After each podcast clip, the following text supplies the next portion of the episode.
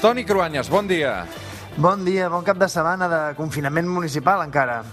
Déu-n'hi-do, eh, quina setmana que hem tingut, perquè... I quin fred també, no, Toni? Perquè realment, eh, no sé si és la millor època de l'any segurament per quedar-se a casa, eh? Home, tots mirant la tele o escoltant la ràdio per veure com neva fora, però des del costat de l'estufa o del radiador, no? Realment, nosaltres també ho hem notat molt amb les audiències perquè eh, a través del digital eh, els pics són eh, superlatius. No sé si vosaltres a la tele també us ha passat el mateix. Sí, realment hi ha una certa, no sé, diguem-ne, que captiven les imatges de la neu, a banda que la gent, òbviament, ens ha de seguir, com jo us vaig estar seguint el cap de setmana passat, i és veritat que fa fred, però, mira, també t'haig de dir que amb les imatges d'agència que ens han arribat als telenotícies, vaig veure que Sibèria, aquests dies, estan a 40 graus sota zero. Avui, eh, Toni Cruanyes, una altra història sobre la Sibèria, no? Sí, mira, parlarem de Sibèria, però, a veure, no, no del fred que hi fa, sinó de la història de Sibèria, que explica per què avui és tan important pel seu gas i pel petroli.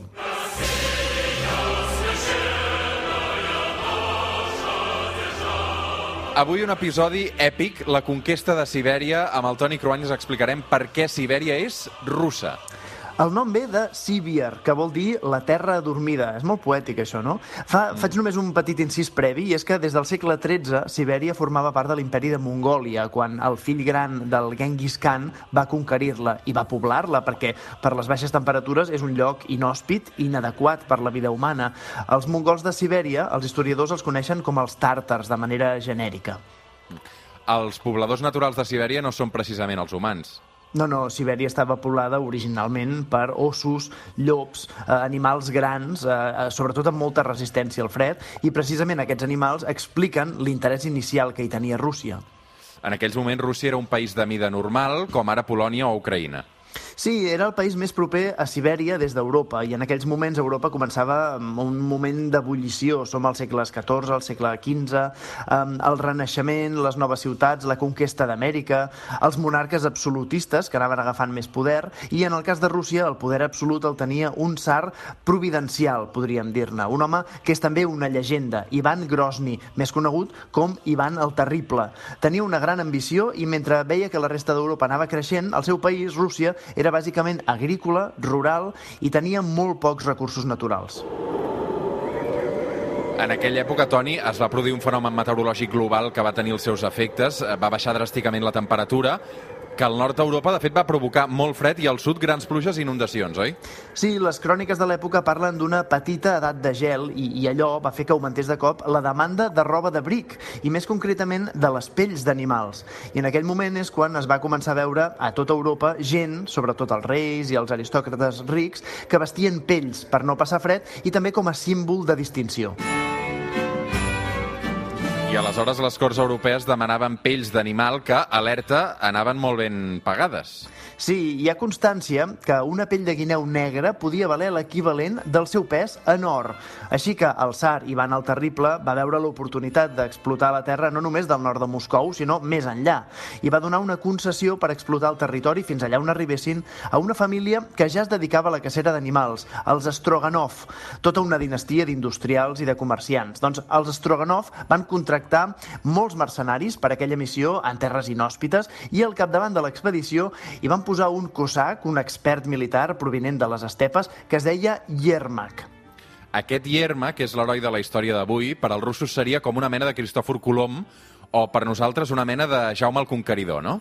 Sí, Yermak va anar conquerint territori de Sibèria més enllà de la frontera russa. Va ser una aventura, una gesta molt dura per les temperatures, però en canvi no tant per la resistència dels mongols, ja que els cosacs russos portaven armes de foc, mosquetons, mentre que els mongols i els tàrtars eh, tot just lluitaven amb espases i amb arcs i fletxes.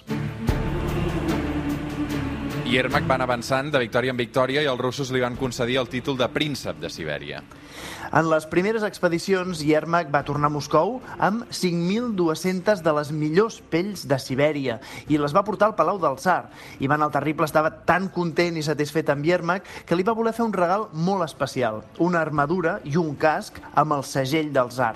Yermak se'l va posar immediatament i el va fer servir en les batalles que continuaria fent a Sibèria per continuar ampliant l'expansió russa. Durant els següents dos anys, eh, tot van ser victòries, fins que a l'agost del 1584 els homes de Yermak van caure en una emboscada dels mongols. Sí, segons la tradició mongola i tàrtara, Yermak va morir mentre dormia en el campament amb els seus soldats.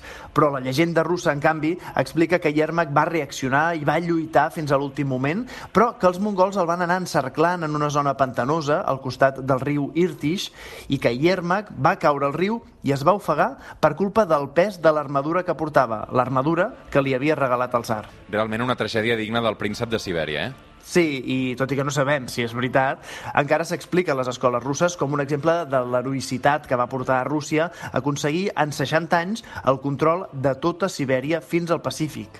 Gràcies a Sibèria, Rússia és el país eh, més gran del món, Toni, perquè, clar, eh, sumar un territori aquí eh, immens, no?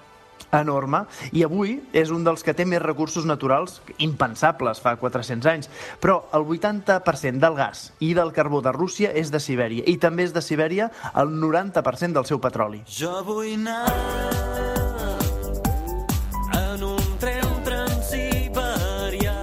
Avui arribarem a les 9 del matí amb els Amics de les Arts i el seu tren transiberià, una cançó fantàstica, ja té uns quants anys. Toni Cruanyes, sí. abriga't bé. Eh? Abriguem-nos tots. Fins la setmana que ve. Una abraçada ben forta. En un tren. El suplement. Ràdio amb esperit de cap de setmana. Amb Roger Escapa.